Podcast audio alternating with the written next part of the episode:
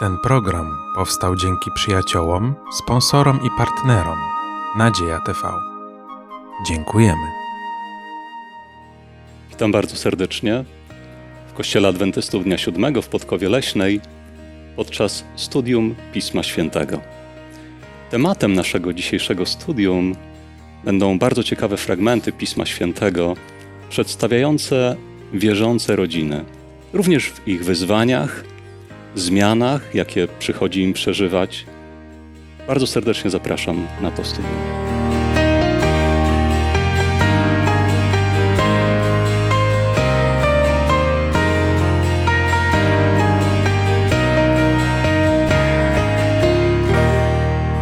Razem ze mną są dzisiaj Mirosława, a także Piotr. Bardzo się cieszę, że będziemy mogli razem studiować Pismo Święte. Ja na imię mam Piotr i pragniemy prosić Pana Boga, aby był z nami w szczególny sposób, towarzysząc wszystkim, którzy będą w tym studium uczestniczyć. Zechcemy pomodlić. Dobry nasz Boże, z całego serca prosimy Ciebie o to, abyś pobłogosławił to studium, abyś natchnął nas myślami, które zbudują nasze, naszą wiarę, nasze serca, nasze życie. Pobłogosław te chwile, o co prosimy przez imię Jezusa. Amen. Tak, spojrzymy za chwilkę na pewne fragmenty Pisma Świętego ze Starego, z Nowego Testamentu, przedstawiające wierzące rodziny, przedstawiające różnego rodzaju zagrożenia w postaci kultury, obyczajów, które, które bywa, że sprzeciwiają się tym zasadom Słowa Bożego, które mogą mieć wpływ na rodziny. Zobaczymy rodziny w momentach różnych zmian, takich istotnych. Spojrzymy na fragmenty, które mówią o znaczeniu przekazywania tego zaufania do Boga, wiary do Boga z pokolenia w pokolenie. Ale myślę, że będziemy zdumieni, czytając fragmenty sprzed tylu wieków, ile w nich jest przesłania dla współczesnych rodzin. Ten cel, który Bóg wyznacza dla rodzin w każdym wieku, myślę, że bardzo pięknie został ujęty przez apostoła Pawła, który pisząc list do Filipian, i poproszę Mirko o przeczytanie tego fragmentu, drugi rozdział, werset 15, tak, napisał tak. Ja czytam z Biblii, yy, z uwspółcześnionej Biblii Gdańskiej abyście byli nienaganymi i niewinnymi dziećmi bożymi, bez zarzutu pośród narodu złego i przewrotnego, wśród którego świecicie jak światła na świecie. Bardzo ciekawy cel tak. dla rodzin wierzących, gdzie apostoł zwraca uwagę na to, że ten świat nie zawsze może być miejscem przychylnym dla ludzi, którzy chcą żyć w zgodzie z Panem Bogiem, z Jego zasadami. Czasami może być zły i przewrotny, często tak jest. Ale jednocześnie w tym wersecie, który pokazuje cel osób, rodzin wierzących w tym świecie, jest też, zgodzicie się ze mną, taka obietnica łaski, pomocy od Pana Boga, który mówi: Dzięki mojej, mojej pomocy, dzięki mojemu wsparciu, możesz być osobą, możecie być rodziną, która będzie wywierać ten dobry, pozytywny wpływ. Spójrzmy wobec tego na kilka historii, a zaczniemy od historii zapisanej w dziesiątym rozdziale Księgi Dzieł Apostolskich, która pokazuje, że czasami to wierząca rodzina może powodować pewnego rodzaju problemy dla osób, które chciałyby poznać Pana Boga. To ja wiem, że to brzmi tak troszeczkę dziwnie na początku, ale jaką historię w kilku zdaniach znajdujemy w dziesiątym rozdziale Księgi Dzieł Apostolskich? Historia Piotra i Korneliusza. Mhm. A jaki problem tam istniał? Mamy szczególny moment w historii tak. Kościoła, kiedy wiele wierzących osób pochodzenia żydowskiego przyjmuje Jezusa jako Mesjasza. Ale coraz więcej osób z innych narodów również otwiera swoje serca. Jest bardzo ciekawe, jak pewnego rodzaju kultura, taki obyczaj narodowy, można powiedzieć, żydowski, staje się przeszkodą, czy może stać się przeszkodą dla niektórych w przyjęciu Ewangelii. Dlaczego? Dlatego, że być może takie standardy, które narzucamy innym ludziom, mogą stać się przeszkodą w poznaniu i przyjęciu Jezusa Chrystusa. Bo być może w wielu przypadkach wyżej stawiamy te standardy niż poznanie Ewangelii, która jest zbawienna dla ludzi. Przede wszystkim nam powinno chodzić o samych ludzi, nie tyle o te standardy. Standardy przyjdą z czasem, kiedy ci ludzie poznają Jezusa Chrystusa. Nie możemy tych rzeczy odwrócić tak, żeby zniechęcać ludzi i ich odstraszać od, od Boga. Y, Czytamy od samego y, pierwszy wiersz y, dziesiątego rozdziału. W Cezarei był pewien człowiek imieniem Korneliusz, setnik z oddziału zwanego italskim. Był to rzymski żołnierz. A kiedy przeczytamy wiersz 28 tego samego rozdziału, 10, Piotr mówi, powiedział do nich, wiecie, że nie wolno Żydowi przestawać z cudzoziemcem albo przychodzić do niego. Lecz Bóg mi pokazał, żebym żadnego człowieka nie nazywał pospolitym lub nieczystym. Wiemy, co się działo wcześniej, zanim Piotr przyszedł, do, przyprowadzono Piotra za, do Korneliusza, te wizje, które miał. Bóg po prostu yy, mówi, że nikt nie jest nieczysty, pokazuje to Piotrowi. I później mamy też takie, też jeszcze jeden tekst mamy tutaj, y, bardzo taki ważny, gdzie mówi, że wprawdziwie dostrzegam, że Bóg nie ma względu na osoby, ale w każdym narodzie mił mu, miły jest mu ten, kto się go boi i czyni to, co sprawiedliwe. Nie będziemy się chyba zatrzymywać dłużej nad tą historią. Mhm. Przenieśmy tę e, da, daleką przeszłość w nasze czasy. Mhm. Czy my nie mamy też takich problemów, obiekcji, czy też nie wzdrygamy się na samą myśl, że z kimś będziemy mieli jakiś kontakt. No niedawno był duży problem, strach przed uchodźcami, bo przed islamem, a Żydzi mieli ten, chociaż to nie było polecenie od Boga. Oni mogli się kontaktować z innymi ludźmi, nie zamykać się, ale nie wchodzić w bliższe kontakty. Rodziny wierzące mają, powinny mieć te Boże standardy życia, funkcjonowania, pewne zasady, które rzeczywiście oddzielają od stylu funkcjonowania tego świata, ale na pewno rodzina wierząca nie powinna pójść w, w jakimś kierunku izolacji od innych osób, tak? Albo wyznaczania takiego standardu komukolwiek, kto pragnie przyjść do Boga, że musisz się stać dokładnie taki jak ja, żeby, żeby zostać osobą wierzącą. E, to jest bardzo ważne, aby wierzący nie tworzyli pewnych, pewnej kultury, pewnych obyczajów, które nie wynikają ze standardów Pisma Świętego, ale wynikają raczej z pewnego własnego pojmowania pobożności. Ale kiedy mówimy o kulturze, o wpływie pewnych obyczajów, kultury, to generalnie częściej jest tak, że to ta kultura zewnętrzna tego świata w jakiś sposób stara się wpłynąć na funkcjonowanie rodzin wierzących. Przecież wszyscy żyjemy, funkcjonujemy w Tak. tym, w tym świecie. I chciałbym, abyśmy spojrzeli na pewne przypadki, które pokazują różnorodne próby pewnej presji, pewnego wpływu na wierzące rodziny e, w celu zrezygnowania przez nie nawet z pewnych wyznawanych standardów. Otwórzmy pierwszą księgę Mojżeszową, Księgę Rodzaju, szesnasty rozdział i przeczytajmy pierwsze trzy wersety. A Saraj, żona Abrama, nie urodziła mu dzieci, lecz miała niewolnicę, Egipcjankę imieniem Hagar. Rzekła więc Saraj do Abrama: Oto Pan odmówił mi potomstwa. Obcuj proszę z niewolnicą moją, może z niej będę miała dzieci. I usłuchał Abram rady Saraj. Wzięła więc Saraj, żona Abrama, niewolnicę swą Hagar, Egipcjankę. Było to po dziesięciu latach pobytu Abrama w ziemi kananejskiej i dała ją za żonę mężowi swemu Abramowi. Jaki wpływ pewnej dosyć powszechnie panującej kultury, obyczaju znajdujemy tutaj na rodzinę osób wierzących? Jak to przeczytaliśmy przed chwilą, istniał taki obyczaj w tamtych czasach, że w przypadku niepłodnej żony istniała taka możliwość, że mąż mógł sobie wziąć niewolnicę, aby ta spłodziła mu potomka. No jak to przełożyć na dzisiejsze czasy?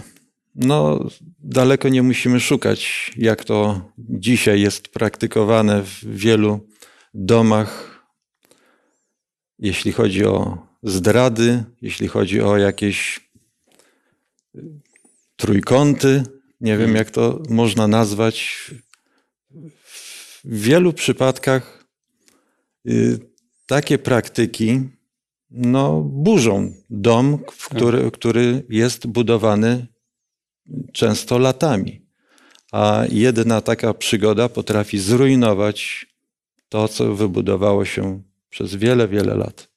To bardzo ważne, że tak jak wspomniałeś, był taki obyczaj, ale to nie znaczyło, że wierząca rodzina powinna w tym samym, w, tym samym, w ten sam sposób funkcjonować, bo rzeczywiście ten powinna przeciwstawić się temu wpływowi i z zaufaniem czekać, aż Bóg wypełni obietnice, które, które dał. I to, na co zwróciłeś uwagę, bardzo ważne.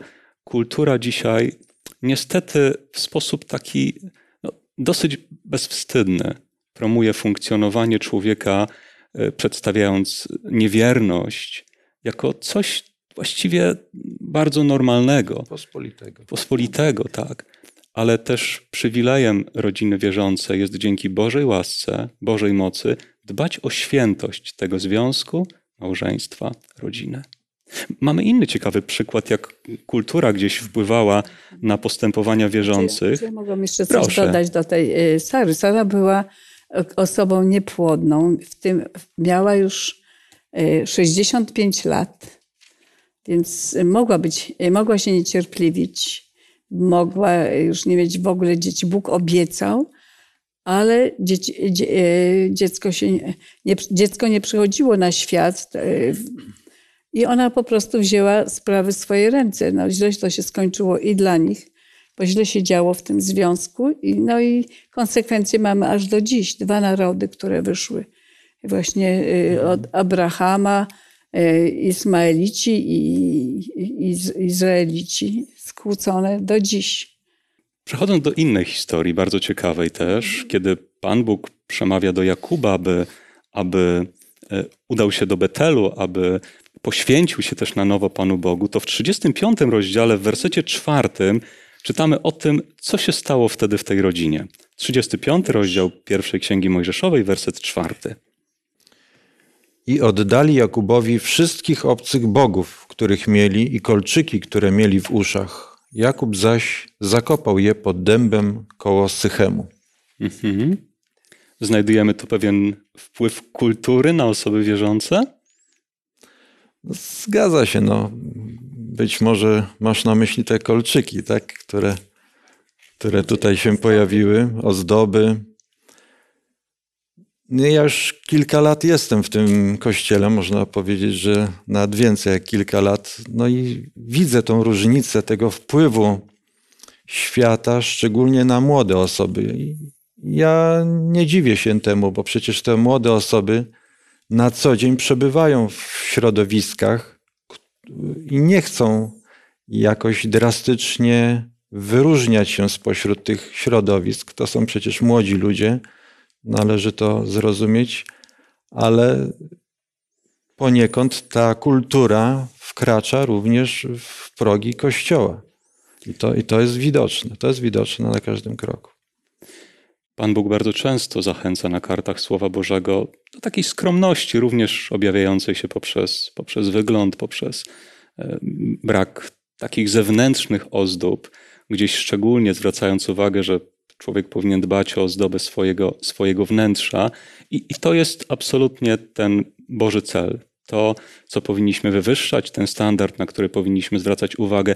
Tutaj widzimy, jak gdzieś on został zaniżony przez, przez osoby wierzące. Natomiast widzimy taki moment, kiedy dochodzi do pewnego nowego e, zrozumienia tej sprawy, być może, takiego, takiego e, zwrócenia serca we właściwym kierunku, oddają te rzeczy, usuwają, zakopują, tak? I mamy. Jeszcze, jeszcze proszę. oprócz tej biżuterii, o której wspomnieliście, jest mowa o obcych bogach. Mhm. Czyli to też był problem. Zresztą właśnie to bałwochwalstwo i różne figury, jakieś rzeźby gdzieś tam. My też mamy takich właściwie obcych bogów, którzy y, powiedzmy nie w postaci rzeźb, Mhm. figurek, ale y, y, coś, co nam zabiera dużo czasu. Czy internet, czy telewizja odprowadza nas bo, bo, od Boga. Ważne jest to, co oglądamy Mhm. i w, i w jakim wymiarze. To, to też, też było ważne. A tu Jakub chce oczyścić swój y, naród właśnie z tych rzeczy, które y, Bóg mu na pewno powiedział. Obciążają, obciążają cały, y, całą rodzinę, obciążają wszystkich. Mhm. Jeszcze inny przykład pewnego wpływu na osoby wierzące, który gdzieś z tego przykładu z zewnątrz może, może iść bardzo, bardzo szeroko. Mamy wspomniane w naszym studium fragmenty z księgi Ezdrasza, Ezdrasza, tak. czy, czy, czy doświadczenie Salomona, gdzie pokazana jest, pokazana jest sytuacja e, małżeństw osób wierzących i, i niewierzących. Myślę, że warto przypomnieć tutaj też pewne Boże zalecenie, które w piątej księdze Mojżeszowej, księdze po, powtórzonego prawa znajdujemy, gdzie w siódmym rozdziale, w wersecie trzecim i czwartym czytamy tak. Nie będziesz z nimi zawierał małżeństw. Mowa jest o osobach niewierzących innych narodów. Swojej córki nie oddasz jego synowi, jego córki nie weźmiesz dla swojego syna, gdyż odciągnęłyby ode mnie twojego syna i oni służyliby innym bogom. bogom. Więc mamy pewien wzór, gdzie Pan Bóg zachęca, aby w jakim kierunku ludzie wierzący podążali, tworząc rodzinę? Żeby tworzyli chrześcijańskie rodziny, chrześcijańskie domy, w których każdy z e, członków tej rodziny byłby jednego ducha, jednej wiary.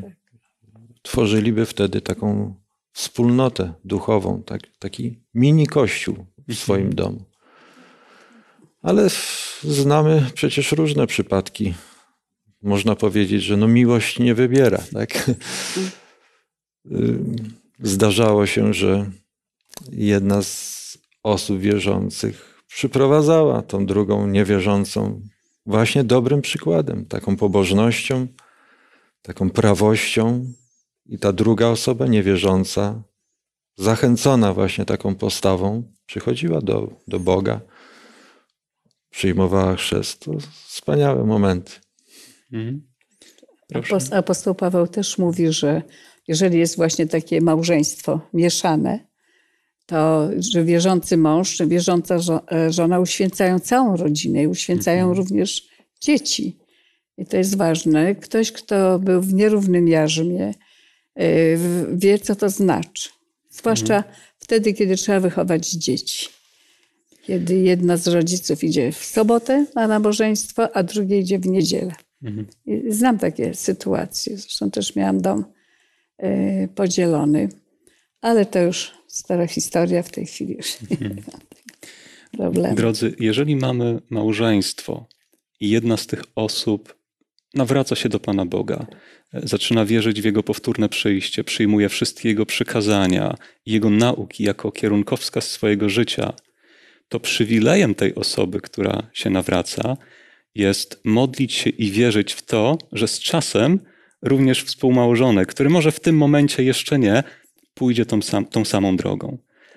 Ale jeżeli mówimy e, o osobie, która zamierza wstąpić w związek małżeński, to tutaj jest taka szczera, konkretna rada Pana Boga. Buduj ten związek w ten sposób, aby Twoja wybranka czy Twój wybranek byli osobie, osobami, które nie tylko wierzą tak jak Ty, są uduchowione. Naprawdę, abyście potrafili zbudować to małżeństwo, które, które będzie, będzie jak najlepsze, bo taki fundament daje najlepsze nadzieje, najlepsze możliwości na, na, na rozwój tego małżeństwa w przyszłości. Oczywiście niczego nie, nie możemy przesądzić w jakiejkolwiek sytuacji, bo jakąkolwiek drogą człowiek nie pójdzie, Pan Bóg dalej wyciąga swoją rękę i chce pomagać, chce prowadzić. Ale, ale rzeczywiście Bóg pokazuje tutaj pewien standard, który poważnie młode osoby szczególnie, które myślą o, o, o, małżeństwie, warto by brały pod uwagę, a doświadczą błogosławieństwa tej, tej decyzji, tego, tego, tego wyboru. Ale kultura mówi, nie jest to takie istotne, tak? I tu znów widzimy ten wpływ, którym zdarzył się, czy to w czasach Ezdrasza, gdy wiele osób w takie małżeństwa spośród wierzących weszło, czy jako król Salomon, który również w takie, w takie związki e, wchodził. I jego historia jest na pewno przestrogą, bo jego serce zostało odciągnięte od Pana Boga. Znaczy, wydaje mi się, że kultura współczesna to ra raczej nie, nie wspiera naszej y, wiary. Był czas, kiedy ja y, do kościoła żadnego, nie chodziłam do żadnego kościoła i żyłam w świecie zgodnie z zasadami, jakie w świecie panowały, tak nie do końca najgorsze, ale wiara mnie nie interesowała. Przyszedł czas, że stwierdziłam, że znaczy, Bóg wyciągnął do mnie rękę i wiedziałam, że muszę, że jest coś jeszcze ważniejszego niż tylko to e, życie w świecie, tam wesołe, lepsze, gorsze, ale, mhm. ale raczej kultura i światowe życie nie, nie Nie pozostawia zbyt nie, wiele miejsca dla Pana dla Boga, Pana tak? Boga, I tak. Jego, jego działania tak. w życiu, Jego znaczenia dla Dokładnie. człowieka. Mhm. Mhm. Jednym z wyzwań, które mogą przechodzić rodziny, rodziny wierzące również, są różnego rodzaju zmiany. Przypatrzmy się kilku takim ciekawym zmianom opisanym na kartach Pisma Świętego. Pierwsza jest opisana w Księdze Rodzaju, dwunasty rozdział i pierwszy werset zechciejmy przeczytać, dobrze? I rzekł Pan do Abrama, wyjdź z ziemi swojej i od rodziny swojej i z domu ojca swego do ziemi, którą ci wskażę. Mhm. A w czwartym wersecie czytamy, że Abraham wybrał się w drogę tak, jak mu rozkazał Pan. Tak. Posz, poszli z nim także najbliżsi. Jaką tutaj mamy zmianę w sytuacji rodzinnej? No, zmiana miejsca zamieszkania. Przede wszystkim wyjście z rodzinnego domu, w którym mieszkali prawdopodobnie od pokoleń, w ogóle w nieznane sobie środowisko, nie, mhm. nieznane tereny. No, ja ze swojego życia mogę coś takiego przytoczyć. To bardzo świetnie koresponduje z, z tą historią. Swego czasu wraz z małżonką musieliśmy opuścić y, Warszawę. Pojechaliśmy na południe Polski, zupełnie w nieznane nam strony. Mhm. Nie było tam absolutnie żadnej rodziny, ani z mojej strony, ani ze strony żony w celach mieszkaniowych głównie, bo mhm. musieliśmy gdzieś mieszkać jako młode małżeństwo. Czy takie zmiany wpływają w jakiś sposób na życie rodzinne? Z tego powodu, że byliśmy daleko od, od mhm. rodziny, jakiejkolwiek. Tak. Do mojej rodziny było 400 kilometrów, do rodziny żony jeszcze dalej, bo 600. Potem jak się pojawiły dzieci, też musieliśmy sobie mhm. radzić sami. Babci nie było gdzieś w pobliżu. Do zboru też było daleko. Mhm. Też musieliśmy dojeżdżać, żeby mieć jakiś kontakt z, z Kościołem, z ludźmi wierzącymi. Ale jak to Bóg rozwiązał? Przydał nam ludzi wierzących, mieszkających wokół nas. Mhm. Zainteresowali się najpierw sąsiadka, potem jej syn, no i jeszcze następne osoby, i stworzyliśmy taki mini zbór w naszym domu. Piękny przykład, który pokazuje z jednej strony wyzwania i trudności w takim momencie. Przeprowadzka to może za mało powiedzieć, tak? E, jest, jest to dosyć daleki wyjazd. W przypadku Abrahama to był wyjazd do innego kraju.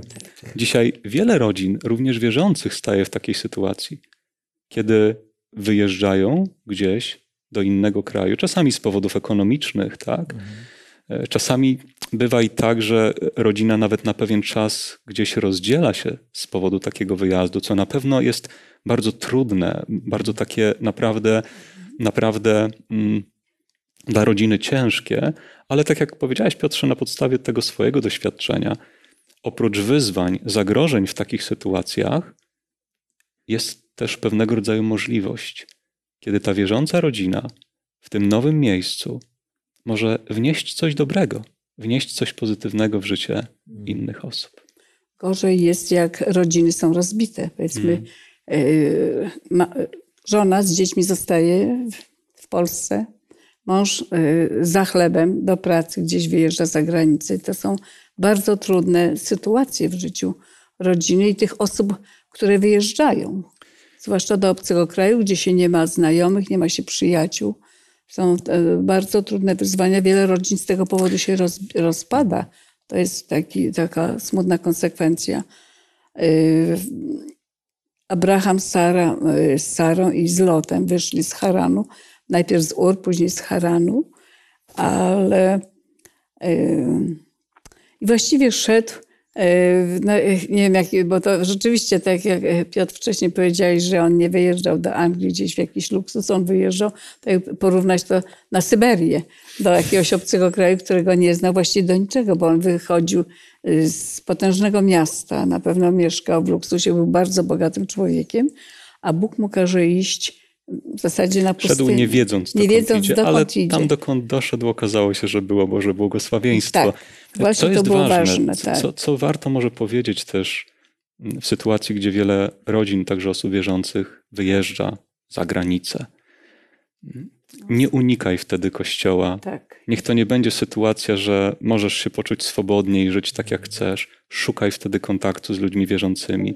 Znajdź kościół e, i, i staraj się w tym zborze e, być, budować swoją wiarę, troszczyć się o to, żeby, żeby ta nowa sytuacja, ta nowa okoliczność, ten, ta presja nowego środowiska kultury w żaden sposób nie odepchnęła ciebie od Pana Boga. Innego rodzaju zmiana, której może doświadczać rodzina, opisana jest w księdze Estery. I tam, skracając tą historię, mamy taką ciekawą sytuację, gdzie przybrani rodzice Estery e, właściwie no, w dosyć ciekawych, trochę skomplikowanych okolicznościach, ale moglibyśmy powiedzieć, ona opuszcza ich dom, Estera, ponieważ wychodzi za mąż. Jest to też sytuacja zmiany dla rodziny, prawda? Jest ona wyzwaniem? Dużym. Dlaczego? No dużym, dlatego że rodzina jak żyje tak sobie fajnie razem, dzieci rosną, dorastają, zdobywają wykształcenie, a później zaczynają odchodzić. I to jest y, też to jest znane jako syndrom pustego gniazda. Czyli wyzwanie większe dla rodziców niż, A, dla, e, niż dla młodzieży dla- odchodzącej. Dlatego tak, tak, że młodzi Mhm. ludzie y, kochają się, zakładają rodzinę, wychodzą y, z domu, y, a rodzice zostają sami. To jest, wiem, że ten problem ma wiele, wiele rodzin, szczególnie mam nadopiekuńczych czasami. Mhm. Y, No, no jest to problem, jest to smutne. No trzeba, dobrze jest znaleźć sobie y, zajęcie, żeby już tak nie bardzo się koncentrować na y, swoich dzieciach, żeby być dobrą teściową. Też mam dzieci. Czyli mam, dla dzieci lepiej, jeśli wyjadą gdzieś daleko, tak? no nie za daleko. Tak, żeby już jak daleko wyjadą, znaczy dla dzieci jest o tyle e, e, dobrze, że czasami trzeba ich wesprzeć przy wychowaniu dzieci.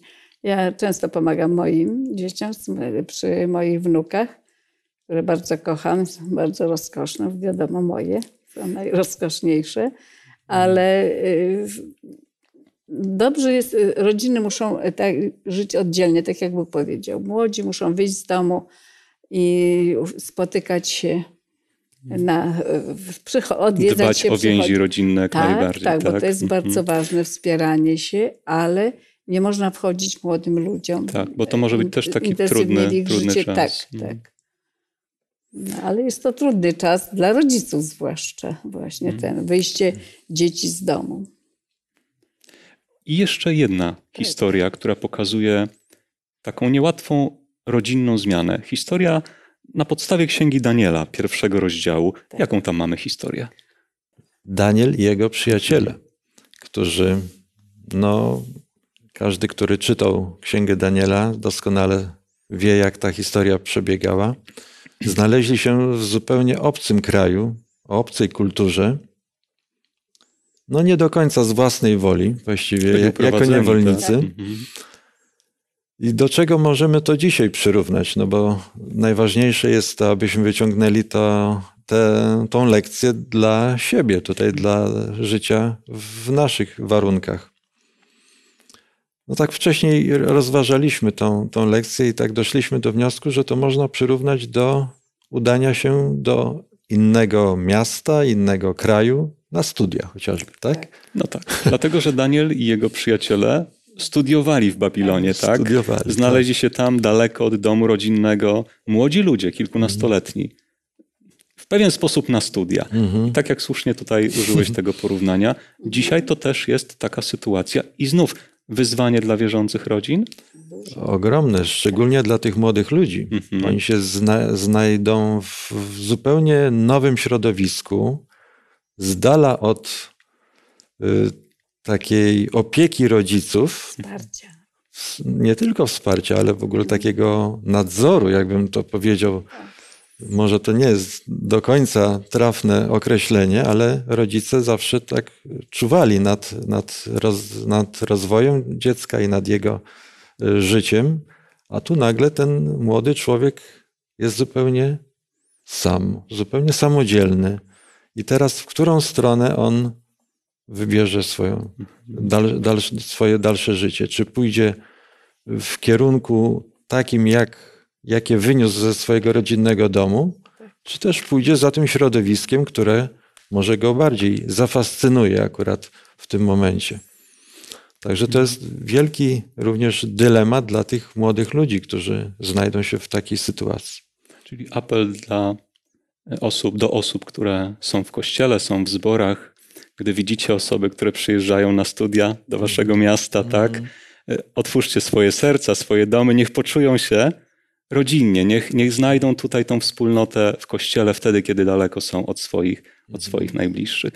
Każda zmiana. W Warszawie, właśnie szczególnie w Warszawie, bo tu jest dużo uczelni Mhm. i mamy rzeczywiście bardzo dużo studentów. Zaczyna się, zaczynają się studia w październiku, widzimy przypływ młodych ludzi na, na, na studia. Na pewno potrzebują zachęty, wzmocnienia i pomocy. bardzo miło będą na pewno odebrane wszelkie gesty takiego, takiego po prostu braterskiego wsparcia. Spójrzmy na pewien fragment historii opisanej w Księdze Sędziów, który dotyka ważnej kwestii przekazywania tej wiary, zaufania do Pana Boga z pokolenia na pokolenie. Popatrzmy na Księgę Sędziów, rozdział drugi i werset siódmy najpierw przeczytamy, dobrze? Lud służył Panu przez wszystkie dni Jozłego i przez wszystkie dni starszych, którzy przeżyli Jozłego i widzieli wszystkie wielkie dzieła Pana, jakie uczynił dla Izraela. Jeszcze dziesiąty i jedenasty werset, dobrze? Z tego samego rozdziału.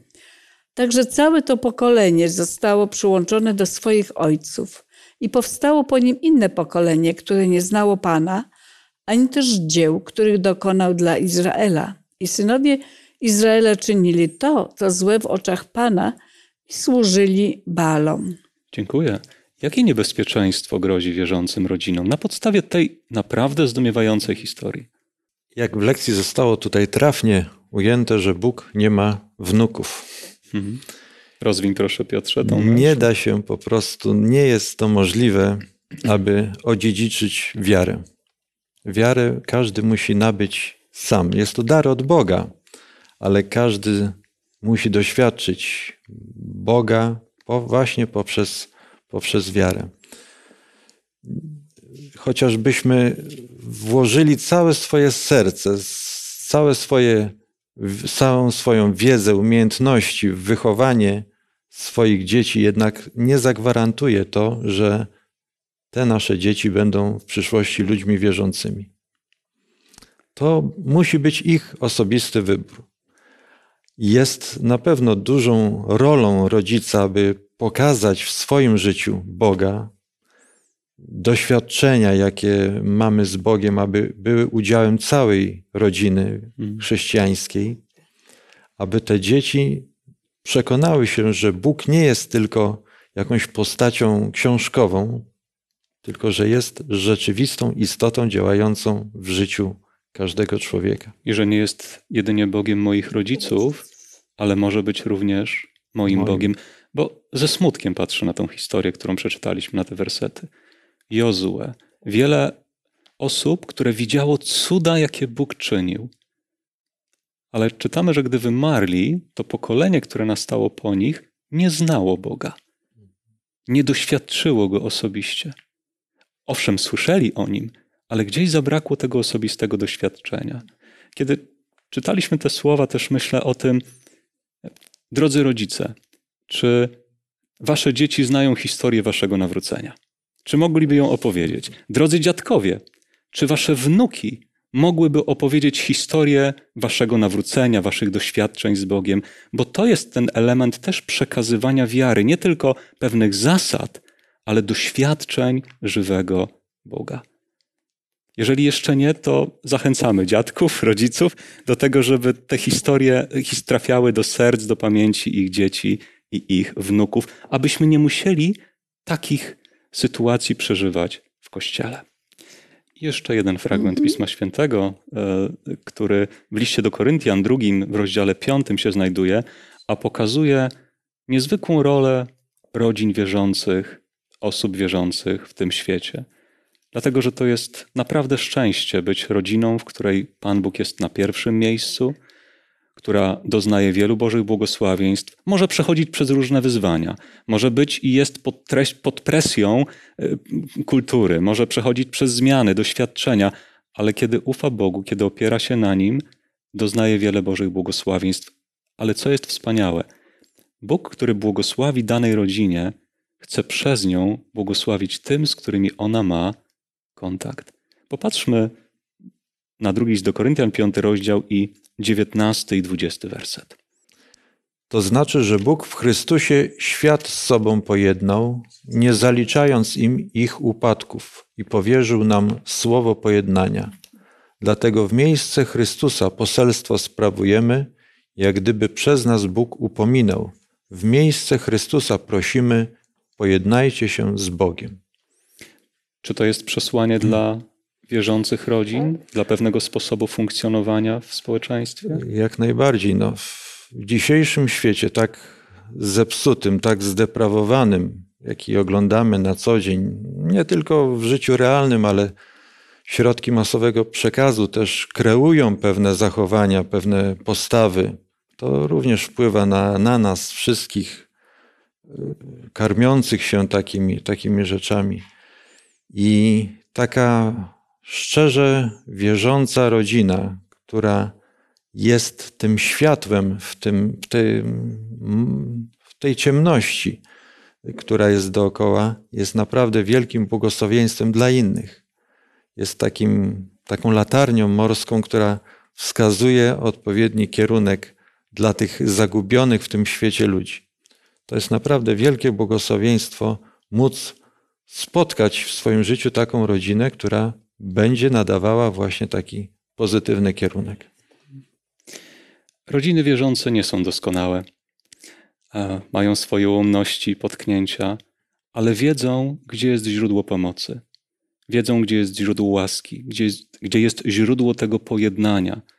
Znajdują siłę u stóp Pana Jezusa Chrystusa i wywyższając Chrystusa, wywyższając swoim codziennym życiem takie wartości jak uczciwość, jak prawość, jak taka szlachetna uczynność, pomoc, bezinteresowność, mogą rzeczywiście wywierać ten dobry wpływ, zachęcając inne rodziny do tego, aby i one zaprosiły do swoich domów Jezusa Chrystusa.